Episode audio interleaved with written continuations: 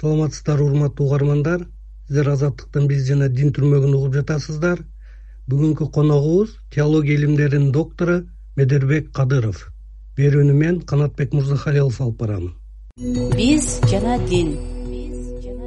Медербек мырза эки миң он төртүнчү жылы алты жылга эсептелинип быйыл мөөнөтү бүтө турган диний чөйрөдөгү мамлекеттик саясаттын концепциясында кыргызстандагы мусулмандар исламдын суний агымынын ханафий мазхабын жана матуриди ишенимин карманаары мамлекет бул мазхабтын өнүгүүсүнө колдоо көрсөтөөрү жазылган маегибиздин башында мазхаб жана акыйда түшүнүктөрүнө кыскача токтоло кетсеңиз мазхаб сөзү араб тилинде кетүү бара турган жер жол деген маанилерди туюндурат термин катары ишеним ибадат жана адамдардын ортосундагы мамилелер боюнча диндин негизги жана такталган эрежелеринен сырткары бири биринен айырмаланган көз караштар менен аларды карманган кишилерди жана топторду белгилөөчү өзгөчөлүктү камтыйт.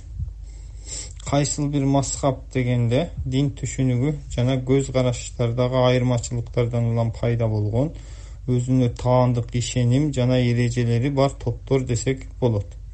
Ал эми акыйда сөзү араб тилинде бир нерсеге чын көңүлдөн байлануу чын көңүлдөн ишенүү деген маанилерде колдонулат.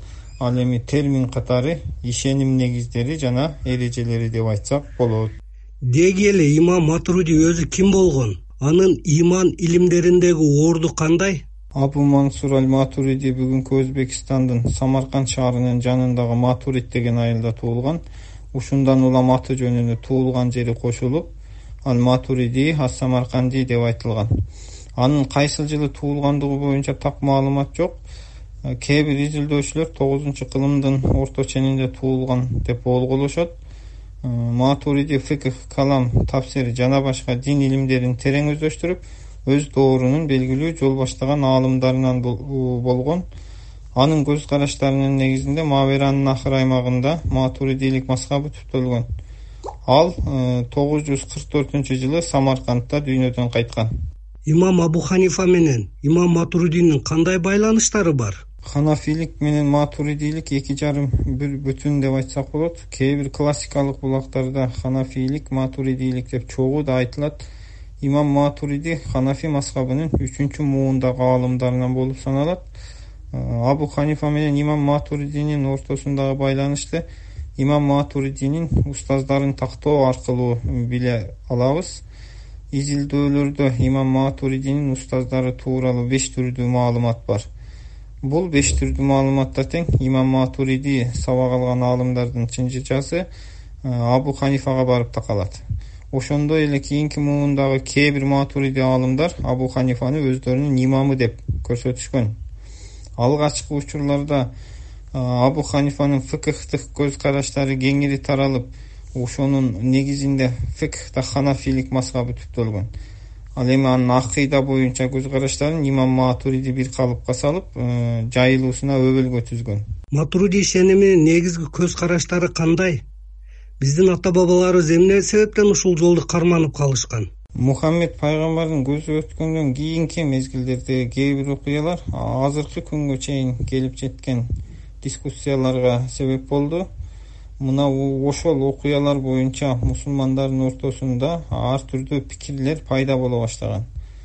Бул көз караштар андан ары тереңдеп ыйман амал чоң күнөөлөр куфр жана башка ушул сыяктуу ишенимге байланыштуу маселелер боюнча ар кандай көз караштар айтыла баштаган. Э, бул дискуссиялар азыркы күндө деле уланып келүүдө. Имам матуриди ишенимге э, башкача айтканда акыйда маселелериндеги көз караштарында өзүнүн усулу менен айырмаланат. Ал кайсыл бир маселеде пикирин билдиргенде аят хадистер менен бирге учурдун шарттарын тарыхый окуяларды да эске алып акыл менен да далил келтирген.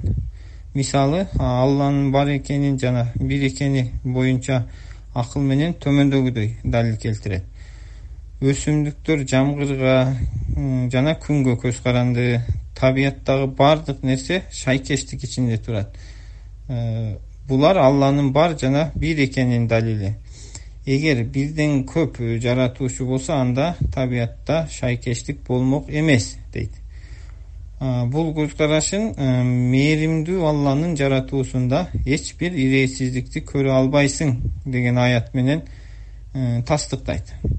Матуридинин ою боюнча керек болсо динден таптакыр кабарсыз калган киши да ааламдын түзүлүшүн жана тартибин карап улуу жаратканга ишенүүсү керек деп эсептейт. Биз жана дин имам матуруди исламдагы белдүү окумуштуу катары белгилүү бирок анын жазган эмгектеринин көпчүлүгү бүгүнкү күнгө чейин жетпей сакталбай калган. Анын тавилатул куран аттуу тасвир китеби менен ааламда жалгыз нускасы болгон китабы тавхид аттуу акыйда китеби гана азыркы күнгө чейин жеткен. Ушул эки китепте эмнелер камтылган жана ушул багыттагы башка эмгектер менен эмнеси менен өзгөчөлөнөт имам матуриди калам мазхабтар тарыхы тафсир куран илимдери фыкх жана башка багыттарда бир топ эмгектерди жазган ислам булактарында имам матуридинин калемине таандык болгон он төрт китеп эскерилген.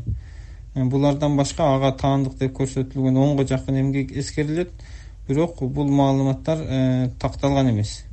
Имам матуридинин эки гана китеби китабу тавхид менен тавилатул куран аттуу эмгектери бизге чейин келип жетти. Китабу тавхид э, матуридинин калам жана акыйда боюнча көз караштарын камтыйт бул китеп э, матуридийлик мазхабынын негизги булагы болуп саналат. Китабы тавхиддин жалгыз нускасы бар ал кембридж университетинин китепканасында. Ал эми табилатул куранды матуриди өз колу менен жазган эмес анын айткандарын шакирттери жыйнап китеп кылышкан. Бул нерсе табилатул куран матуридиге таандык эмес дегенди билдирбейт. Себеби китептин ичинде орун алган маалыматтардын маалыматтар матуридиге таандык экенине экенинде шек жок. Табилатул курандын кыркка жакын кол жазма нускасы бар. Алардын басымдуу бөлүгү түркияда ошондой эле сирияда египетте англияда германияда да бул китептин э, кол жазма нускалары бар. Табилатул куранда куран аяттары чечмеленген. Аяттарды чечмелеп түшүндүрүүдө э, учурдун шарттары ой жүгүртүү жана бүтүндүк негиз алынып тафсир калам э, фикх жана фикх усулуна ошондой эле башка мазхабтар менен диндердин көз караштары да берилген табилатул куран бул багытта жазылган эмгектерге э, үлгү болгон. Ислам ой жүгүртүү тарыхына маанилүү салым кошкон имам матурудинин ой пикир жана көз караш дүйнөсүн изилдөө үйрөнүү жаатында кыргызстанда бүгүнкү күндө кандай иштер жүргүзүлүүдө? Азыркы күндө аз да болсо бул багытта иштер жүргүзүлүп жатат. Кечээ жакында эле ош мамлекеттик университетинин сексен жылдык юбилейине арналган орто азиянын улуу аалымы имам матуриди жана анын окуусунун азыркы күндөгү актуалдуулугу аттуу онлайн илимий конференция уюштурулду.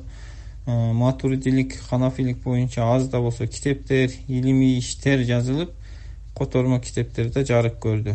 Учурда ханафи матурудийлик кыргыз коомчулугуна толук жеттиби? Ал кандай колдоого алынууда азыркы учурда ханафилик матуридийлик кыргыз коомчулугуна толугу менен жетти деп айтуудан алысмын э, ошентсе да бул багытта иш аракеттер уланууда ханафилик матуридийлик мазхабынын негизги эмгектерин айрыкча имам матуридинин жогоруда аты аталган эки китебин кыргыз тилине которуп элге жеткирүү матурудийликтин таанылуусуна э, жакшы өбөлгө түзмөк деп ойлойм урматтуу угармандар сиздер азаттыктын биз жана дин түрмөгүн уктуңуздар. Анда биз ханафий мазхабынын матуруди ишеними тууралуу кеп кылдык. Бүгүнкү коногубуз теология илимдеринин доктору медербек кадыров берүүнү мен канатбек мырзахалилов алып бардым. Саламатта калыңыздар. Биз жана дин